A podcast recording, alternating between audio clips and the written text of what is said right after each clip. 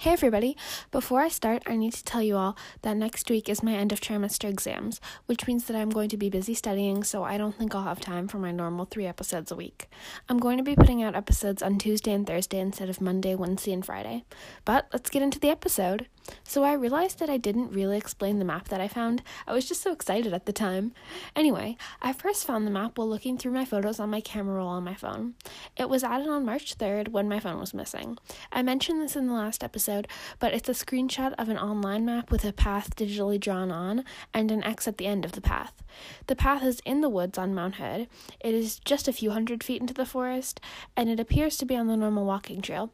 I haven't followed the map yet, but just guessing, I think think that the X marks the spot location is on the edge of the pond.